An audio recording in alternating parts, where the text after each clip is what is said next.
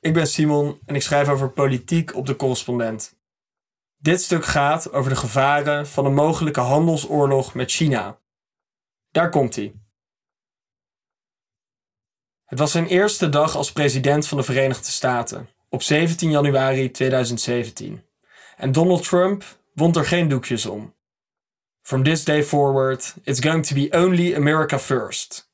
America first. Ten overstaan van wie dan ook, waar dan ook ter wereld, rekende Trump in zijn inaugurele toespraak af met globalisering. De angst en onrust van de financiële en economische crisis maakte plaats voor ongegeneerd nationalisme en verzet tegen internationaal vrije marktdenken. Het bleef niet bij retoriek. Vanuit het Witte Huis voerde Trump vier jaar lang een regelrechte handelsoorlog met China en bouwde hij hoge tariefmuren op staal en aluminium die Europese bondgenoten troffen. Toen deed dat nog de wenkbrauwen fronsen. Wie zou zich ontfermen over de wereldorde van samenwerking, vrijhandel en internationale instituties nu de Verenigde Staten zich afkeerden? Zes jaar later is het sobere antwoord niemand. Op het wereldtoneel is het steeds meer ieder voor zich. Plots vind je Trumps opvattingen terug in de strategie van Joe Biden, de plannen van Europese leiders en de toespraken van Nederlandse ministers. Het is eigen handel eerst. We zien de comeback van strategisch protectionisme, waarbij handelsmuren worden opgeworpen en rivalen gedwarsboomd onder de vlag van nationale veiligheid. De Donald mag de verkiezingen hebben verloren, zijn wereldbeeld heeft aan invloed gewonnen. Een teken aan de wand. Mark Rutte sloot op 30 januari 2023 een opzienbarend chipakkoord met Joe Biden, waardoor de export van chipmachinefabrikant ASML naar China zal worden beknold. Hoewel Biden militaire redenen opvoert, wie weet wat voor slimme wapens de Chinezen gaan bouwen met die chips, is het een goed voorbeeld van strategisch protectionisme. De Amerikanen willen met dit akkoord China de toegang tot de beste chips afsnijden. En zo zijn economische vooruitgang vertragen. Nederland doet mee, nadat het door Poetins oorlog geconfronteerd werd met zijn geopolitieke naïviteit. En dat is logisch, op het eerste gezicht. Alleen, op den duur is dit eigen land eerst denken slecht nieuws voor iedereen. Zeker als het gaat om technologie. In de race om de technologische vooruitgang ligt degene die het hardst rent niet langer automatisch op kop. Ook degene die zijn tegenstanders het slimst pootje haakt, kan winnen. Merkte hoogleraar Jessica Chen Weiss onlangs op. Iedere vorm van sabotage lokt weer een reactie uit, waardoor we met z'n allen langzamer gaan lopen. Uiteindelijk betekent het dat we niet langer technologie en kennis uitwisselen, terwijl die juist zo nodig zijn om gedeelde uitdagingen als klimaatverandering, pandemieën en honger het hoofd te bieden. Op 24 februari 2022 viel Rusland Oekraïne binnen. Prompt volgde een economische oorlog met het Westen. In de jaren daarvoor kozen Europese regeringsleiders steeds weer voor goedkoop Russisch gas. De gaskraan werd alleen maar verder opengedraaid. Zelfs toen de Russische agressie toenam met de annexatie van de Krim en het neerhalen van vlucht MH17. En nadat er werd gewaarschuwd door kameraden als Polen en de Verenigde Staten. Poetin zou ons niets maken. Hij was immers net zo goed afhankelijk van ons, vanwege de tientallen miljarden euro's die wij jaarlijks voor zijn fossiele brandstoffen betaalden. Dat bleek onverstandig, naïef zelfs. Kort na de inval en de daaropvolgende economische sancties voor Rusland schroefde Poetin de export van drie cruciale grondstoffen in de wereldwijde voedsel- en energievoorziening terug: gas, graan en kunstmest. Plotseling was economische afhankelijkheid geen garantie voor vrede, maar een drukmiddel van een moordlustige dictator. Niet gek dus dat strategisch protectionisme een heropleving doormaakt. Keuzes om de eigen vitale sectoren te beschermen leken niet alleen verstandig, maar onontkoombaar. Het historische chipakkoord tussen Nederland en de Verenigde Staten past dus in die trend. Ons kleine land speelt ineens een reusachtige rol binnen de internationale politiek. En dat heeft alles te maken met ASML, het belangrijkste bedrijf van Nederlandse bodem dat vrijwel niemand kent. Vergeet Silicon Valley, in Veldhoven bouwt ASML de meest geavanceerde chipmachines. Hun technologie is ongeëvenaard. En hun apparaten, die eruit zien als tijdmachines, zijn onmisbaar in de wereldwijde digitale economie. Elk land heeft razendsnelle chips nodig. Voor auto's, broodroosters en smartphones. Dus wie de nieuwste chiptechnologie in handen heeft, is koning. Maar chips zijn ook onmisbaar bij moderne wapensystemen. Zoals in moordrobots met kunstmatige intelligentie. En dat nu de militaire spanningen oplopen tussen de grootmachten.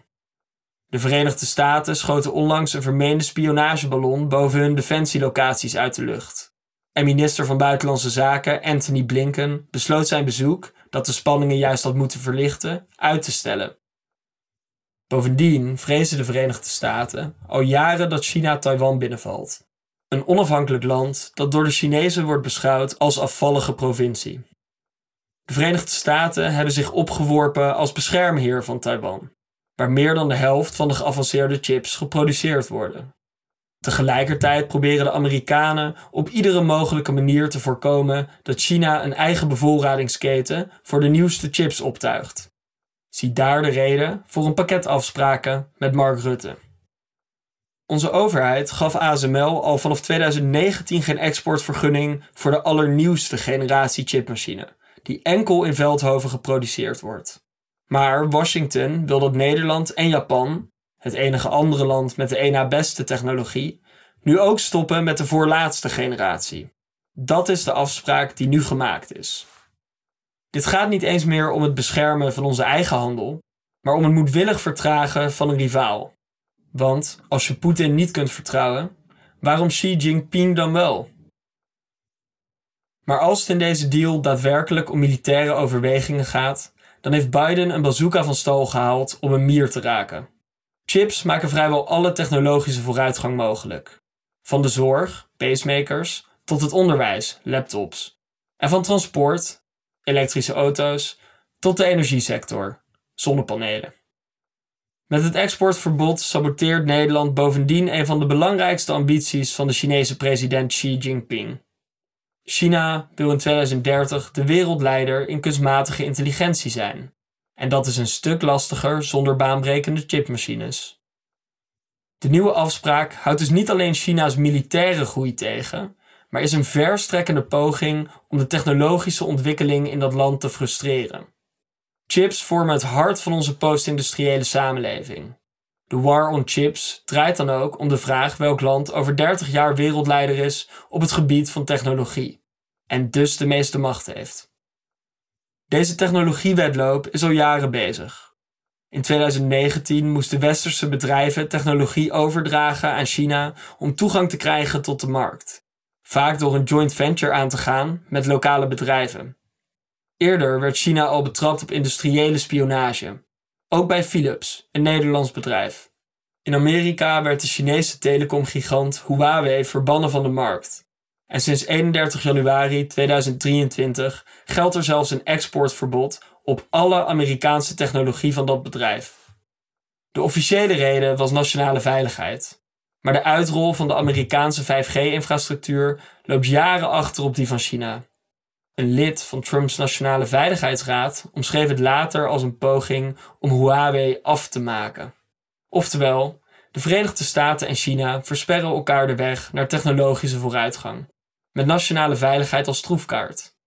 De Amerikanen slepen hun Europese bondgenoten nu mee in die geopolitieke worsteling. En gezien de economische oorlog met Poetin was er niet veel voor nodig om de Europeanen zover te krijgen. We laten ons niet nog eens verrassen. In dit licht klinkt een exportverbod voor chips misschien als een no-brainer. Zeker op de korte termijn. Maar op den duur verandert zo'n deal de regels van het geopolitieke spel. En dat is gevaarlijk. Xi kan terugslaan. Bijvoorbeeld door de export naar China van cruciale grondstoffen zoals kobalt en speciale aardmetalen te beperken. Zijn reactie zal niet alleen westerse burgers raken, maar tegelijkertijd regeringsleiders uitlokken tot verdere escalatie die de Chinezen weer zullen zien als een nieuwe aanval. Zo zullen de zetten zich herhalen, volgens het aloude draaiboek van protectionistische escalatie. Op die manier vloeien er steeds meer middelen en energie naar het vertragen van de ander, naar het pootje haken. en steeds minder naar het erkennen van de onmiskenbare wederzijdse voordelen van handel en samenwerking. Nu gaat het nog om computerchips, maar straks misschien ook om biotechnologie, quantumcomputers en klimaattechnologie. China bouwt meer dan 40% van de windturbines wereldwijd, tegenover 12% van de Verenigde Staten. Waar stopt die strijd? Nederland importeert voor bijna 50 miljard euro aan goederen uit China. Dat is bijna net zoveel als de totale rijksuitgaven aan onderwijs, cultuur en wetenschap. En dat bedrag groeit al jaren. Vier van de vijf Nederlandse zonnepanelen komen uit China. Het exportverbod op chips vertraagt niet alleen urgente innovatie, maar maakt ons kwetsbaar voor wraak. Dat wij nu meegesleurd worden in een potje economisch worstelen tussen twee grootmachten, kan straks ook betekenen dat de energietransitie hier nodeloos wordt vertraagd. Voor het voortbestaan van de planeet klinkt samenwerking een stuk strategischer dan het opwerpen van nieuwe muren. Toch wijzen de cijfers eerder op een terugkeer naar zelfvoorziening. In nog geen 15 jaar zijn buitenlandse directe investeringen meer dan gehalveerd. Van 5,3% van de wereldeconomie in 2007 tot 2,3% in 2021. Na de Tweede Wereldoorlog bouwde het Westen een wereldorde op waarin vrijhandel, internationale instituties en samenwerking de hoofdrol speelden.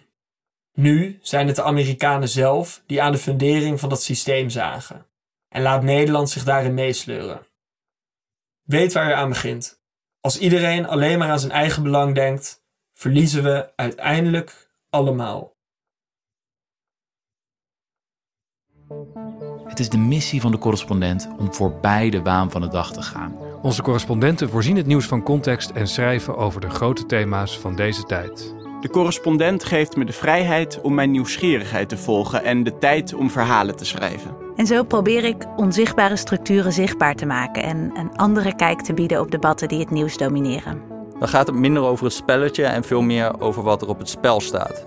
Vanaf dag 1 zijn onze artikelen, boeken en podcasts gefinancierd door onze leden. Volg ons op onze journalistieke zoektocht. Overweeg eens lid te worden van de correspondent. En maak daarmee samen met ruim 70.000 anderen onze onafhankelijke journalistiek mogelijk. Dus word lid van de correspondent.